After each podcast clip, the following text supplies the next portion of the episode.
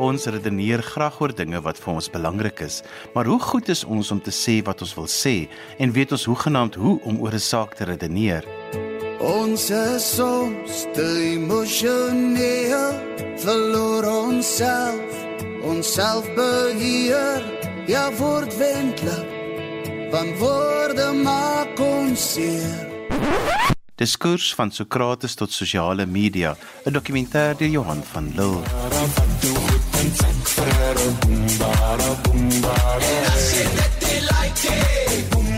Herman Laatgan is 'n skrywer en joernalis. Ek is een van die mense wat te vinnig kommentaar lewer op sosiale media.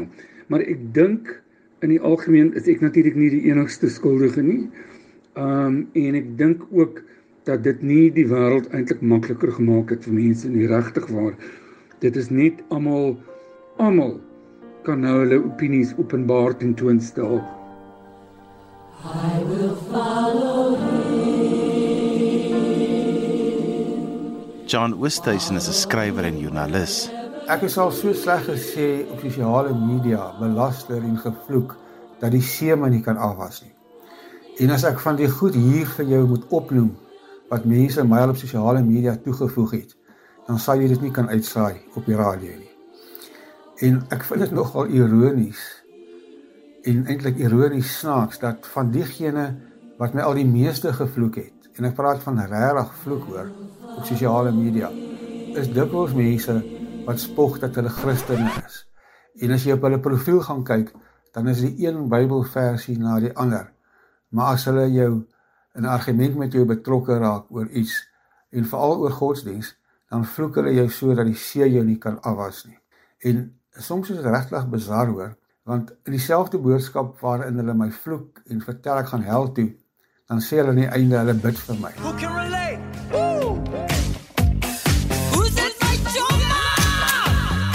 Lenet Beer is 'n lewensafrigter, inspirasiespesialis en persoonlikheidskenner. Ja Johan, kyk, as ek aan Sokrates dink, onthou ek altyd sy beroemde uitspraak net voor hy die gifbeker gedrink het en gevra is watter wysheid hy met die wêreld se mense wil deel. Sy antwoord was al wat ek weet is dat ek nie weet nie. Nou dis volgens my een van die dilemma's waarmee ons in die moderne era van sosiale media sit. Kyk, almal is skielik gurus wat weet. As dit wat jy sê oulik of anders klink, word dit gratis met die res van die wêreld gedeel. Ek, ek gee staaltjies deur in klere wat ek in my kaste opvou. Hallo, my naam is Claudia Brits. Ek is van George, Pakkelsdorp George en vandag wil ek my testimonie deel. So 'n paar maande terug het ek 'n video gepost op Facebook. Ek dink dit was 'n bietjie disturbing geweest omdat ek die konteks gegee het of regtig verduidelik het hoekom ek die video post het. Of dit nou waar is en getoets is aan normale wetenskaplike kriteria is glad nie ter sake nie. Anoniem of met 'n naam by kan jy jou uitgesuigde wysheid oor die aarde uitstuur solank dit 'n snaar by die leser of die hoorder tokkel. Talk about things you like to do. You got to have a dream. If you don't have a dream, how you gonna have a dream come true? Ons begin vanaand se gesprek by Sokrates, iemand wat gereken word as die vader van die westerse filosofie en heel wat meer te doen het met hedendaagse sosiale media as wat 'n mens sou dink van iemand wat duisende jare gelede geleef het. Dr. Yuri Joubert is 'n bekende historikus en opvoedkundige. Sosiale media maak dat baie van ons mense nie meer kan dink nie en hulle wil net hulle eie mening soort van bevorder. Ek dink die Sokrates sou daarmee akkoord gegaan het. Sokrates is gebore in 470 en in 399 is die Griekse filosoof in Athene oorlede. As jong man het hy het hy gewilde filosowe se idees het hy na gekyk en dis die tydperk wat bekend staan as die pre-sokratiese filosowe. Daar was veral twee dinge wat hom baie geïnteresseer het. Ehm um, hy het gedink dat al twee hierdie was eintlik nou problematies. Die eerste een was dat al die filosofe teenstrydige filosofieë gehad het en nie net op een gefokus het nie. Die tweede was dat hierdie filosofe weinig praktiese verskil sou maak indien mense uiteindelik kon uitvind watter van die teorieë waar is. Hoe ver is die son? Hoe groot is die maan? Hy was veral bekend vir sy verbintenis met die Sokratiese metode van vraag-antwoord. Sy bewering dat hy onkundig was of bewus was van sy eie afwesigheid van kennis deur sy indringende vraag-antwoord metode het Sokrates sy toehoorders gedwing om die kennis waar hy beskik het mee te deel. Die enigste ware wysheid het hy gesê is om te weet dat jy niks weet nie. Ek is die wysste man wat lewe want ek weet een ding en dit is dat ek niks weet nie.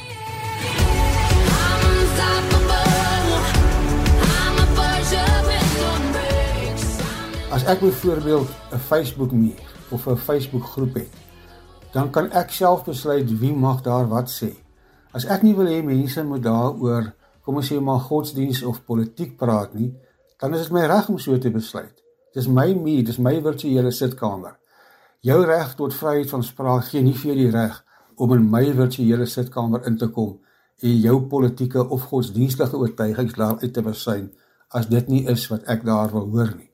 Moenie vir my kom vertel jy het die reg tot vryheid van spraak om te sê wat jy wil as ek dit nie in my sitkamer wil hoor.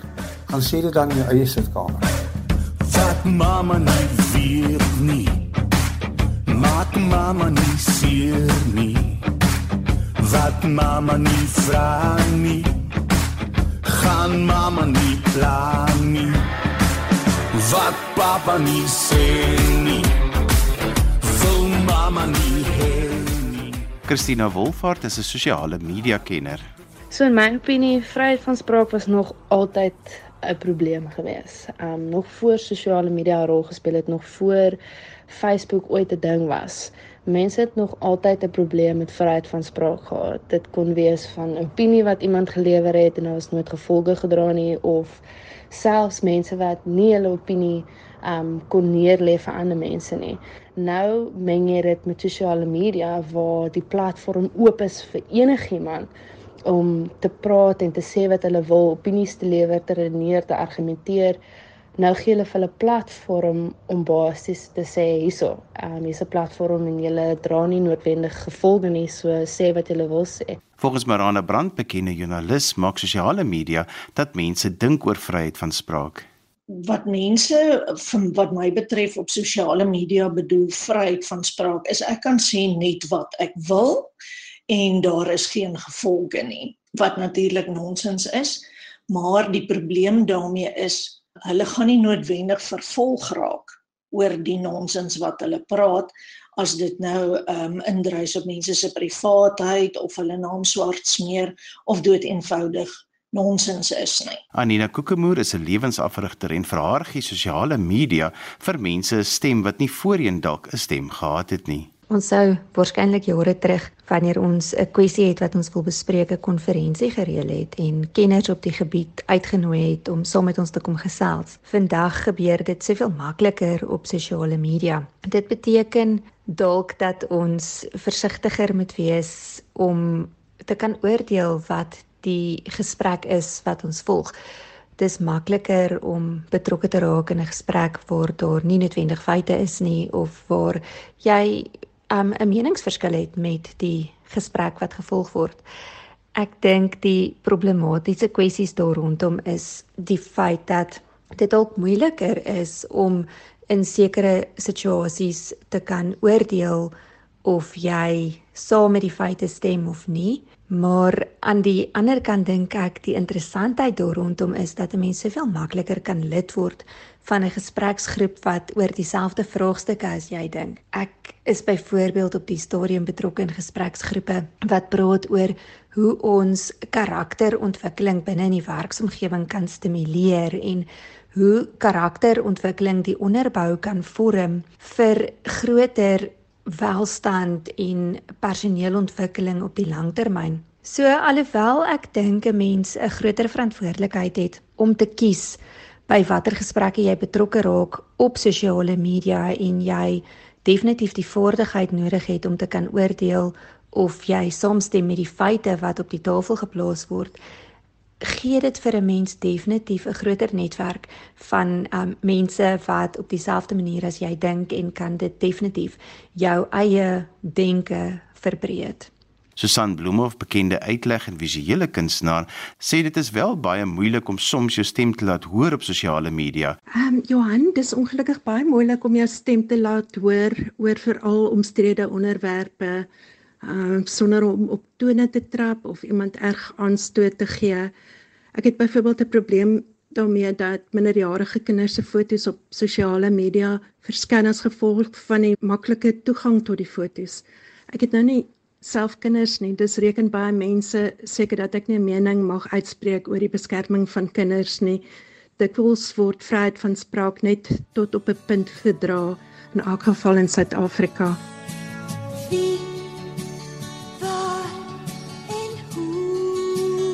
Maar weet mense nog hoe om oor kwessies te redeneer? Of dalk anders gestel, het ons mense ooit geweet hoe om oor kwessies te redeneer? Marana Brand sien dit so. Ek dink nie daar's meer mense vandag wat weet hoe om te redeneer of argumente te bewoord as wat daar ooit in die geskiedenis was nie. Ek dink ehm um, dit is eintlik net 'n klein groep mense nog altyd beskore wat talent het daarvoor uh, om 'n argument ordentlik te bewoord. So ek dink dit het noodwendig verander nie. Nita Cronje is 'n bekende kuns- en kultuurorganiseerder. Ek dink die oorgrootste meerderheid plasings op sosiale media getuig van 'n behoefte aan koneksie. Reaksies of kommentaar op gebeure is baie persoonlik en subjektief van aard. 'n Onmiddellike reaksie wat in die hitte van die oomblik geplaas word met stawende foto of video materiaal. Die aard daarvan is gewoonlik 'n reaksie, 'n mening of baie belangrik, 'n ontlading Goed beredeneerde kommentaar wat op feite en kundigheid gebaseer is, is rar. Dit wil ook vir my voorkop of mense opgehou het om te luister voor hulle antwoord en hulle lees nie mooi of deur of volledig voor hulle reageer nie. Lenet Beer sê dat 'n mens moet nadink oor die manier waarop mense redeneer. Kyk, al kan 'n mens nie almal oor dieselfde kam skeer nie, is my ervaring dat daar 'n redelike vervlakking ingetree het in die manier hoe mense argumente formuleer en verdedig. En veral op sosiale media. Nou, miskien is dit omdat navorsing met die internet deesdae so maklik geword het. Jong, jy kan amper enigiets reg of verkeerd bewys.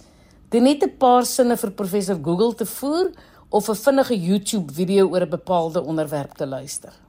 Dit is ook tydrowend om navorsing te gaan doen oor iemand en om te probeer bepaal of die inhoud waarmee jy besig is kredietwaardig is. En miskien tree ons deesdae ook heeltemal te vinnig en te maklik toe tot debatte omdat dit so toeganklik geword het.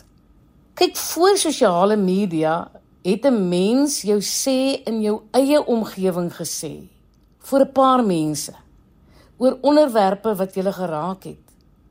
Nou weet ons letterlik wat in elke uithoek van die wêreld aan die gang is en wat die issues is waarmee miljoene mense besig is. En dan raak ons betrokke want ons kan. En die likes en die views vra nie hoe goed jou inhoud verwoord is en hoe logies of rasioneel jou argumente is of watter feite jy bytrek nie. Ons sê hoe ons dink en hoe ons voel met groot sekerheid dat ons manier van dink, ons gevoelens die enigste waarheid is. En dan is daar altyd genoeg ander wat ook so dink en natuurlik ook so voel wat ons laat glo dat ons nie verder hoef te dink of aan enige ander sienswyse hoef aandag te gee nie. Dit is soos hulle in rugby taal sê ons speel die man en nie die bal nie. Nou dit wil vir my lyk of mense geweldig sensitief is. Maklik aanstoot neem. Oeg, en baie persoonlik raak in plaas daarvan dat hulle die saak bespreek. Weet die kwessie van uit verskillende hoeke beskou. Jy sien om konstruktief te kan argumenteer en debatteer is 'n geweldige kuns. Maar ons kan dit almal leer sonder om akademies hoogdrawend te raak. Man, hoflikheid en goeie maniere is glad nie ingewikkeld nie. Vir Anina Kokemoer is om konstruktief te redeneer en om 'n goeie argument te formuleer en die vaardighede wat daarmee saamgaan, iets wat aangeleer moet word. Deur jare was daar nog altyd party mense wat geleer het hoe om 'n logies beredeneerde standpunt te formuleer terwyl ander mense geneig is om emosioneel en driftig te raak in 'n gesprek. Alhoewel ek dink sosiale media impak het op die vermoë om werklik te luister en die konteks van 'n situasie te verstaan, dink ek dat die redenasie vermoë 'n vaardigheid is wat ongeag van sosiale media ontwikkel of nie ons sien net dat party mense daardie vaardigheid op sosiale media gebruik en daarom 'n hoër kwaliteit gesprek voer en ander mense nie die vermoë het om daai vaardigheid te demonstreer nie en dat die gesprek dan geneig is om meer emosioneel en driftig te raak en soms afbreekend is. Susan Bloemhof sê baie mense begeef hulle in argumente wat hulle regtig nie weet waaroor dit gaan nie. Party mense het baie meer tyd om te argumenteer as ander, so ek dink dit is belangrik om ehm um, voorberei te wees op tydrowende pingpong. Jy gaan ander mense baie moeilik oortuig om oor nag hulle mening oor iets te verander. Mense ehm um, verander hul sienings dalk oor 'n aansienlike periode sou dit wel gebeur en lang uitgerekte argumente laat die ander party net meer vasklou aan sy of haar siening. Uh subjektiewe menings kan objektiewe feite dikwels oordonder. Uh ek fokus eerder nie op dinge waaroor ek met die meeste mense gaan verskil nie, want ons hopeloos te veel van hulle. Ek sien ook dikwels so ander partye hulle in argumente begewe of weet hulle nie eens behoorlik waaroor die onderwerp gaan nie. As iemand nie met my saamstem oor iets nie, as ek reeds in 'n argument ehm um, of ek nou wil hê of nie en dis op skrif waar dit byna altyd meer aggressief of rigied voorkom as tydens 'n gewone gesprek. Herman later gaan dink mense kan nie meer oor 'n saak redeneer nie. Nie almal nie. Uiteraard daar is mense wat versigtige argument bymekaar kan sit, maar dit is iets die meeste mense vinnig gou geantwoord op iets en dan beweeg hulle aan. Daar is baie die Engelse woord is cognitive bias. Mense wat net ehm um, belaglike stellings maak wat totaal konservatief en vol haatspraak is voordat hulle dink wat hulle sê. En die formulering van argumente en standpunte is definitief nie 'n sterk punt op Twitter of op um Facebook nie. Beslis nie op Facebook nie.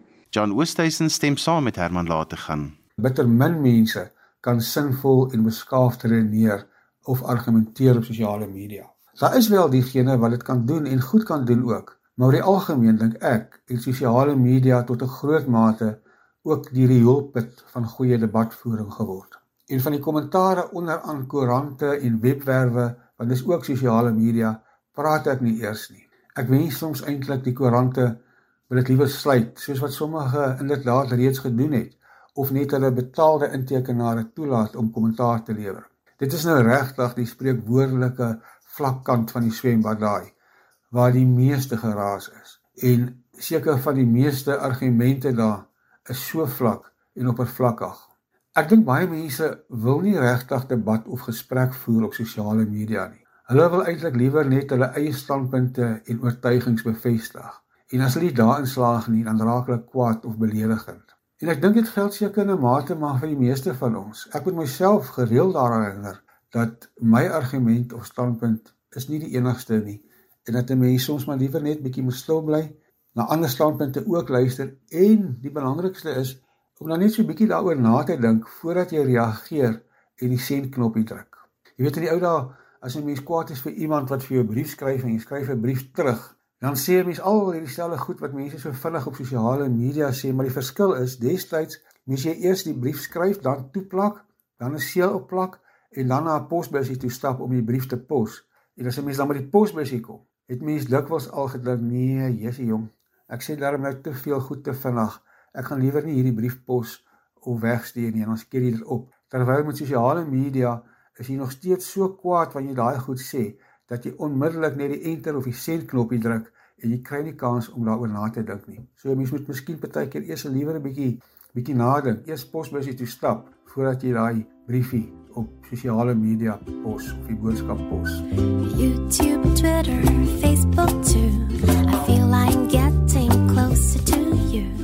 Maar waaroor redeneer mense op sosiale media? Herman later gaan sê ernstige sake ontaard maklik in bekgevegte. Um ek het agtergekom hulle hou nie op Facebook van ernstige onderwerpe nie. Jy moet maar lig hou 'n foto van 'n katjie of 'n lieflike braai buite met lagende mense, dan kry jy baie likes en um mense is mal oor lig en vrolik en sodra iets meer ernstig opgesit word dan ontaard dit nou in bekgevegte en pengevegte en tikgevegte o jene. Um so ek self probeer maar werk aan lig en vrolik. Um, 'n mooi fotootjie hier 'n herinneringkie daar. Mense hou van nostalgie. Um en daai tipe van ding. En dit is my plan vir 2023 is om maar minder kontroversiële goed te plaas en net eenvoudig onder die radar te beweeg.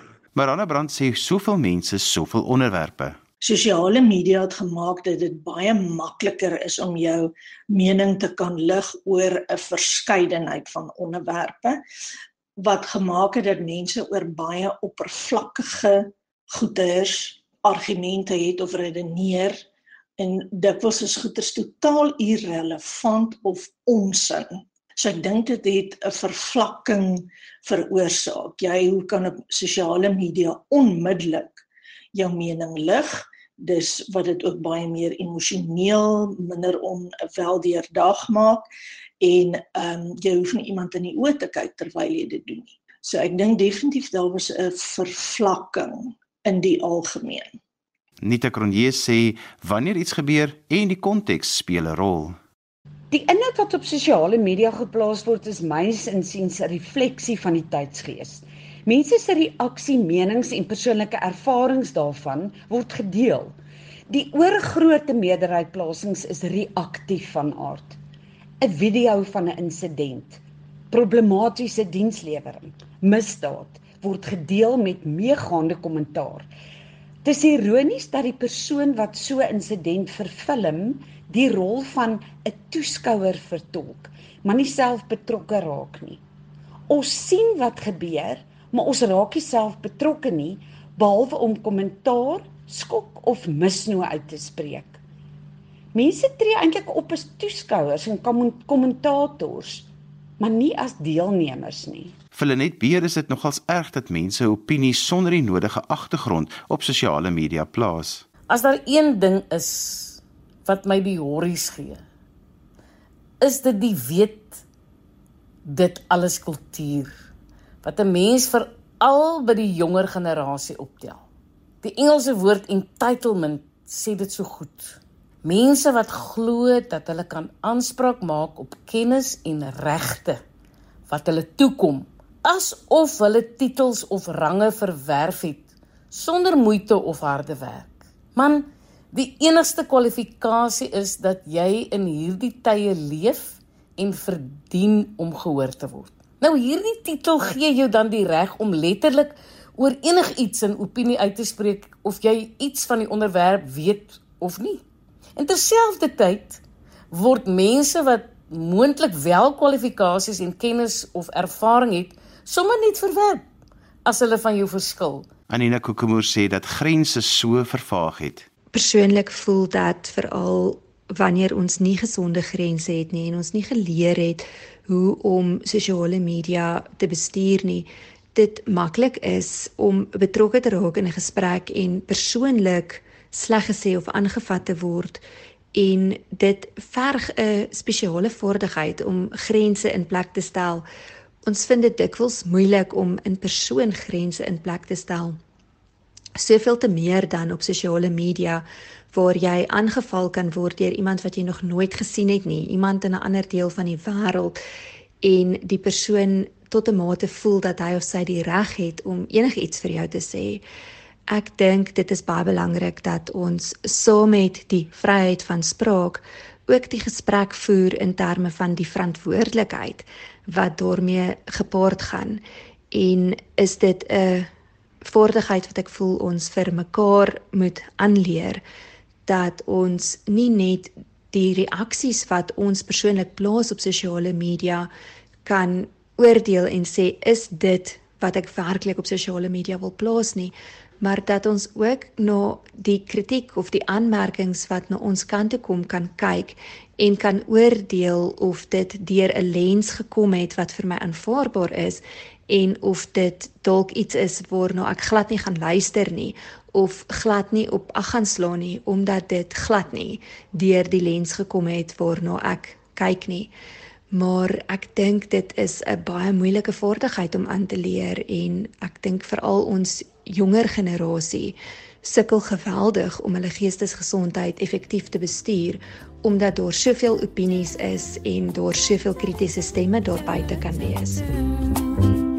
Google Plus Flickr Spotify.